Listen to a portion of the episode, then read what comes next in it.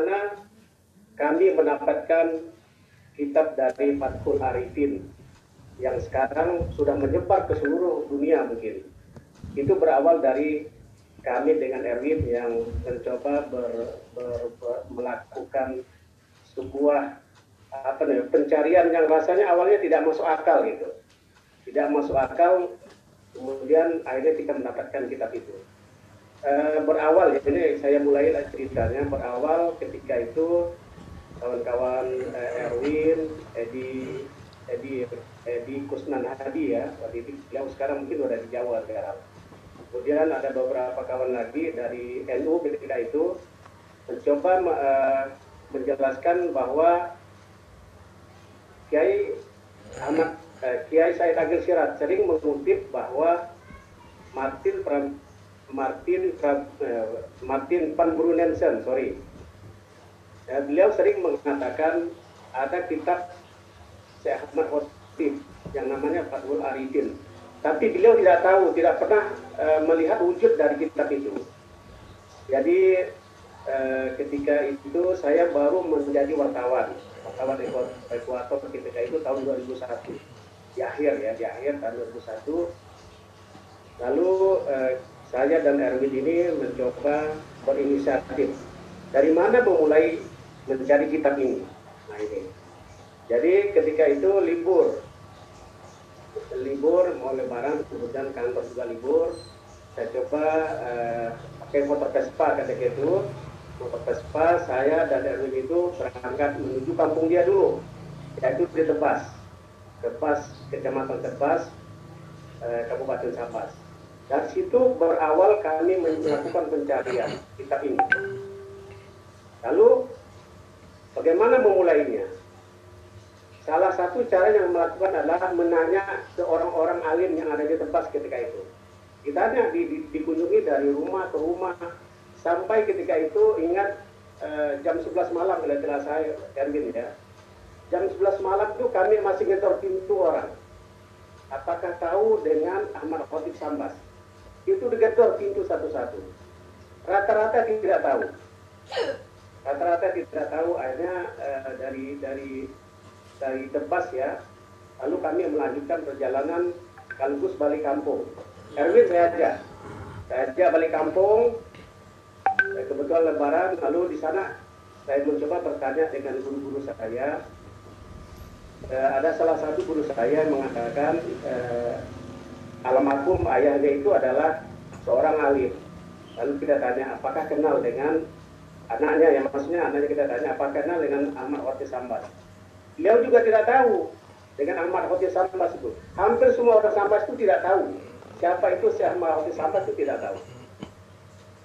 Tapi dari petunjuk guru saya yang di, di, di kampung itu ada anaknya itu yang yang kuliah yang sekolah di Mesir. Namanya Haji Masuk yang sekarang menjadi imam besar di Masjid Mujahidin dari tapi beliau tidak ada di kampung ketika itu. Dari beliau coba kunjungi beliau ada di Selakau. Nah, ini mulai masuk ceritanya. Beliau itu ada di Selakau, waktu itu dia menjadi guru SD. SD di Selakau, coba kalian ke sana. Jadi jarak dari dari kampung saya ke Selakau itu itu sangat jauh. Jadi saya dengan Darwin dengan motor Vespa boncengan ketika itu Vespa tahun 79 ya, Vespa sangat butut sekali. Jadi kita meluncur dari kampung saya di di Simpang 4, sekarang Kecamatan Tengaran ya, dulu Kecamatan Teluk Kramat. Dari dari dari Simpang 4 itu kita meluncur pakai Vespa menuju Selakau, Kecamatan Selakau. Rumahnya yang pertama kita incar adalah Haji Masuknya. Kita ketemu dengan dia kita tanya beliau apakah kenal dengan Syekh Ahmad Otis Sambas. Dia tidak tahu dan dan baru kali itu dia mendengar nama Syekh Ahmad Otis Sambas. Jadi benar-benar tidak tahu.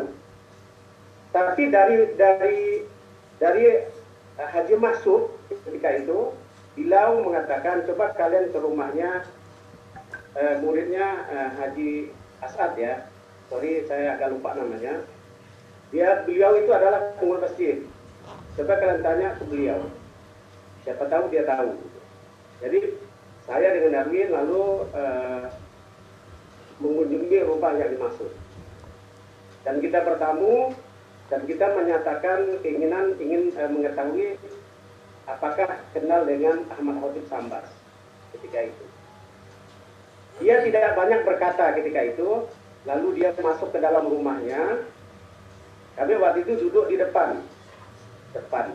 Dia masuk ke dalam rumahnya, lalu membawakan kitab yang tadi dipamerkan oleh eh, oleh Bang Arwin. Dan kitab yang kalian yang kita nikmati hari ini adalah kitab itulah dia. Jadi eh, saya, saya sampai merinding ya sekarang kalau bercerita ini merinding bulu-bulu saya dan dia membawa kitab itu yang masih di dalam plastik. Apa yang disampaikan beliau? Ini ke yang kita cari, katanya. Begitu dibaca oleh Erwin, inilah kitabnya. Jadi uh, dari dari situ kita minta izin untuk mengkopi, mengkopi kitab tersebut. Lalu setelah itu kita kembalikan ke beliau. Informasinya katanya diserahkan ke uh, pemerintah Kabupaten Sambas. Dari situlah uh, pencarian kita benar-benar sesuatu yang awalnya tidak mungkin, ternyata Allah memberikan jalan kita petunjuk kalau kita cari itu benar-benar ada kitab itu.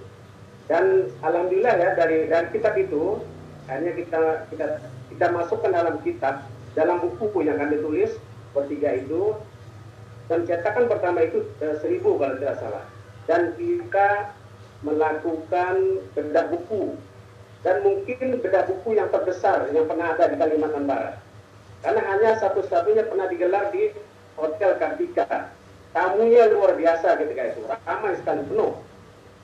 Dan itu menunjukkan bahwa tahuan masyarakat Kalimantan Barat tentang beliau.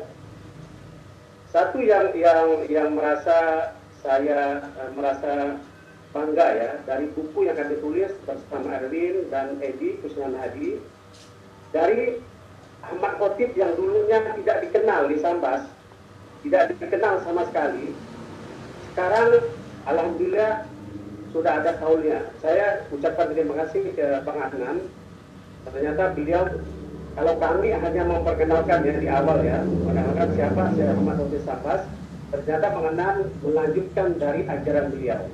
Ini sangat salah satu step-step yang luar biasa. Dari yang tidak dikenal sama sekali, sekarang Syahman Khotib, Sambas itu sudah ada haulnya. Setiap tahun sudah ada eh, diperingati oleh masyarakat Kabupaten Sambas. Eh, dan perlu diketahui bahwa sampai saat ini masih banyak orang mencari buku Syekh Ahmad Sambas. Kebetulan di laptop saya ini masih ada eh, masih ada master dari buku tersebut. Jadi kalau kalau kawan-kawan ingin minta, insya Allah akan kita kirim. Uh, mungkin ini yang uh, uh, berikutnya ya dari dari buku ini, sorry saya sedikit tambahkan. Sebenarnya buku ini adalah awal dari sebuah penelitian kami. Awal ya. Ada semestinya uh, penelitian berikutnya yang mungkin lebih representatif. Kita waktu itu mengajukan proposal ke pemerintah Provinsi Kalimantan Barat Eh, ternyata tidak direspon, tidak ada respon dengan baik dan ketika itu saya bertugas di Kabupaten Landa. Dari sana tiba-tiba muncul ada informasi bahwa uh, ada kawan SMS, nyamanlah kalian, proposal kalian sudah terima. Begitu kami lihat ternyata bukan kami yang menerimanya, tapi orang lain. Jadi ada orang yang memanfaatkan proposal proposal penelitian lanjutan dari saya Ahmad Taufik Sambas ini untuk kepentingan pribadi. Tadi itu sempat saya buat di berita korannya, ibaratnya gini Pak, proposal dari kami tapi orang lain yang menikmatinya. Dan itu ada, beritanya ada sama sekali. Dari semenjak itulah saya tidak lagi mengikuti uh, bagaimana kelanjutannya. Kami anggap ya udahlah. Saran saya memang ansor kalau memang ini lebih lebih representatif.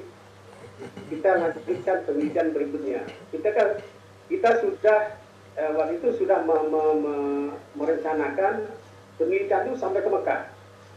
Karena di sanalah jejak-jejak video itu ada. Kita ada kita juga menemukan keluarga beliau yang ada di Singkawang. Di dalam buku itu ada foto-foto beliau, foto-foto dari keluarga beliau, dan kita banyak banyak mendapatkan dokumen dari eh, keluarga keturunan dari si Aman Otis Ambas itu. Kalau mau lebih bagus lagi, memang penelitian itu ada di Mekah. Kira-kira begitulah. Mungkin ini yang bisa saya sampaikan, nanti eh, lebih serunya mungkin dalam tanya jawab berikutnya. Kalau soal isi itu Pak Erwin lah yang lebih paham. Demikian yang bisa saya sampaikan. Allahumma wafiq ila Assalamualaikum warahmatullahi wabarakatuh.